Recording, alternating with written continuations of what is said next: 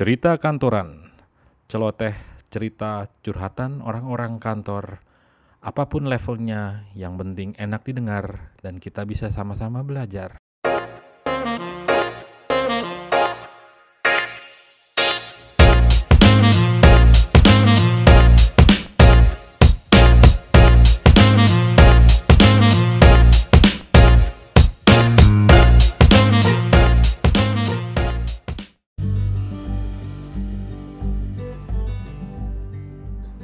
Halo, apa kabar?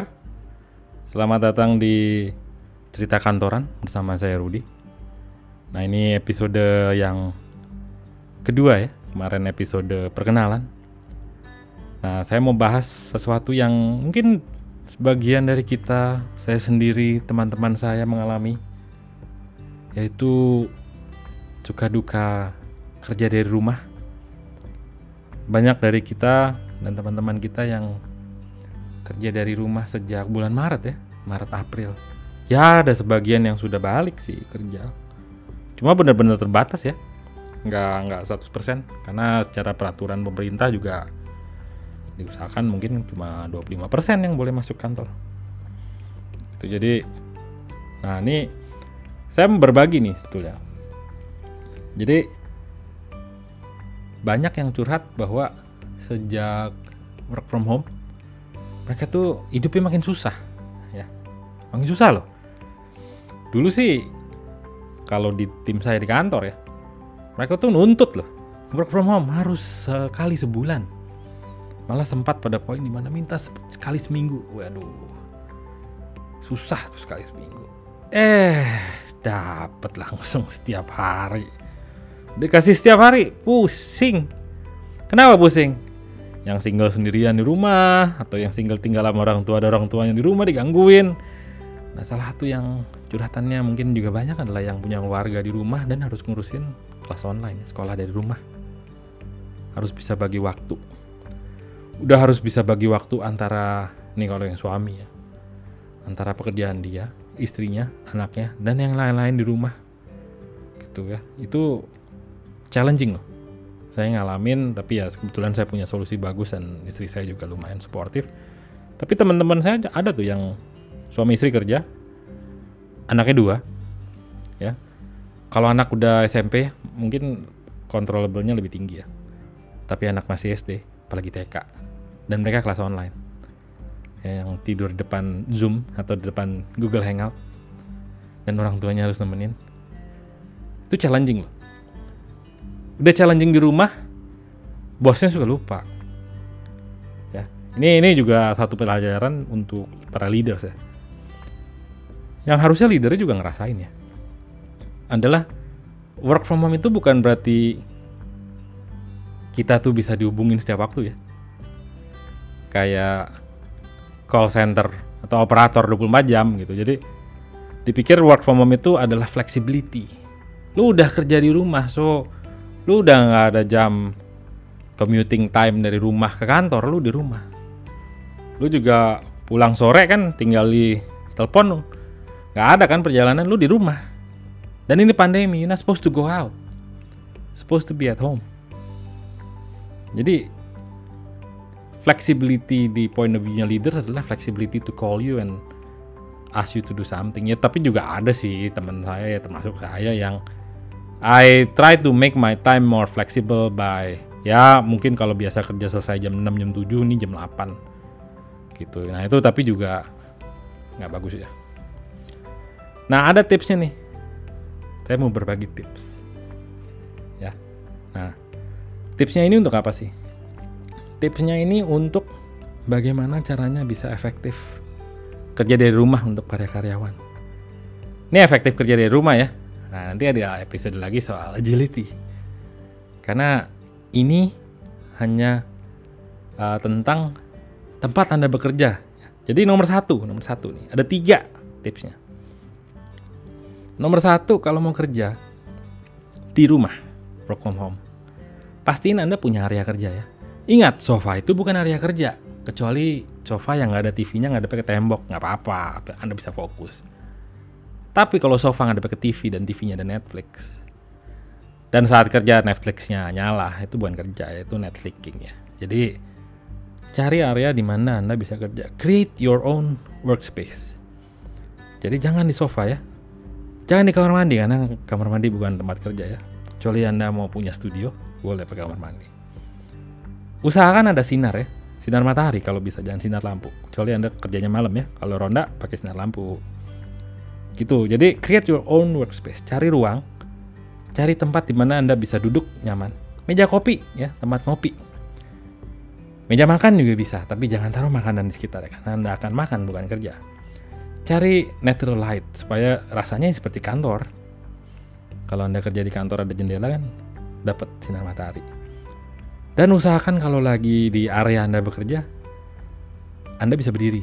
Karena duduk terus 12 jam. Nanti melekat ke kursi, kaku semua badan, ya. Coba cek kalau Anda punya smartwatch zaman kerja. Wah, saya bisa 10.000 langkah. Coba sekarang. 1.500 aja udah berat banget ya.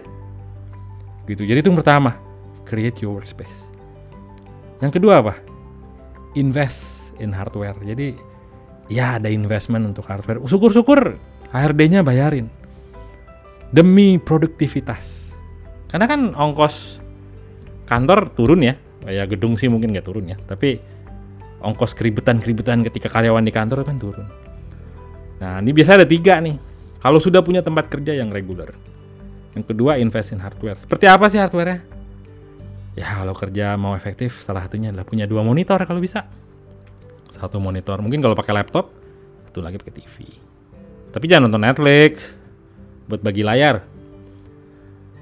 Punya web camera ya, kalau bisa yang eksternal.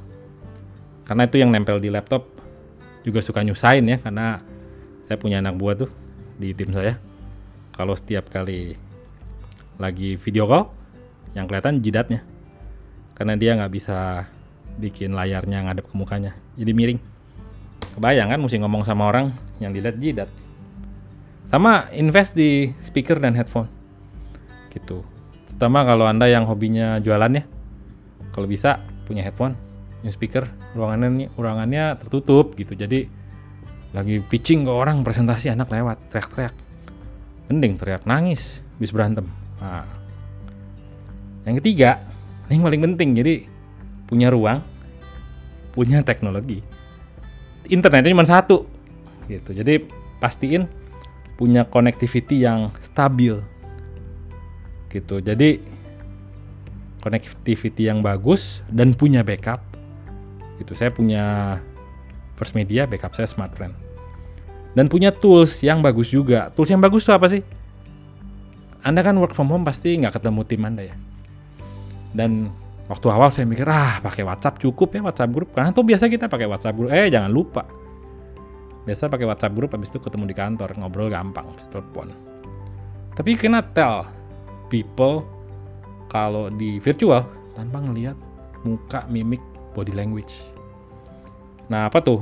Drive connectivity with technological tools, technology tools ya. Nomor tiga nih. Jadi, sambungan internet dan alat-alat yang membantu Anda untuk bekerja dengan tim. Contohnya apa sih? Ya, Microsoft Team, Google Hangout, Zoom, gitu. Itu tiga yang saya tahu ya. Kalau Anda tahu yang lain boleh share. Dan tahu cara pakainya ya. Gitu. Jangan sampai cuman bisa. Saya pernah ngalamin tuh.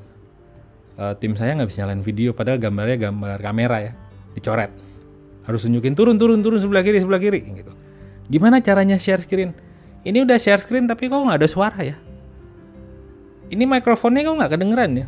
Gitu. Itu jadi belajar. Karena itu penting itu komunikasi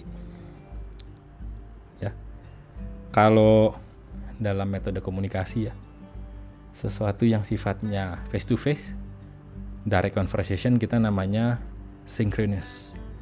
Kalau yang tidak direct itu namanya asinkronus kayak apa sih? Pakai chat ya pakai email. Nah sekarang kan banyak tuh tools-tools yang bisa bantu kita kolaborasi kerja.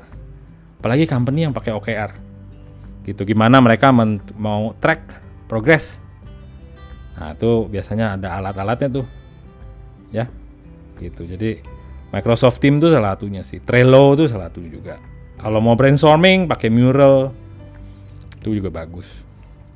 Gitu. Jadi tiga hal untuk yang work from home. Create your own workspace. Cari area anda bisa kerja bukan area nyantai. Invest in your hardware.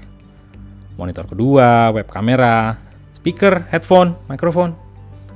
Terus drive connectivity with technology tools. Jadi broadband first media ya internet atau pakai oksigen Bali Fiber banyak sekarang. Dan pastikan anda punya communication and collaboration tool karena nggak ada gunanya kalau masih pakai WhatsApp tapi nggak pernah ngobrol nggak pernah ngomong gitu ya apalagi video conference. Kebayang kan? Performance appraisal pakai WhatsApp. Aduh nightmare. Gitu. Jadi itu tiga hal pertama. Nah di episode berikutnya saya ada yang namanya apa 5P of being a good virtual leader. 5P gampang kok. Nanti saya share ya. So nantikan di podcast episode berikutnya. Yang lama-lama karena saya nggak mau overthinking juga mikirin isinya. So have a good day have a good night. Semoga bisa kita reflect apa yang tadi saya bagikan ya kalau ternyata memang mengalami good. Kalau belum mengalami udah siap. Oke? Okay? so thank you for listening to my podcast. Uh, kalau ada yang mau disampaikan ke Instagram aja. Cerita kantoran. Atau ke Instagram saya Rudi Indonesia oke? Okay? thank you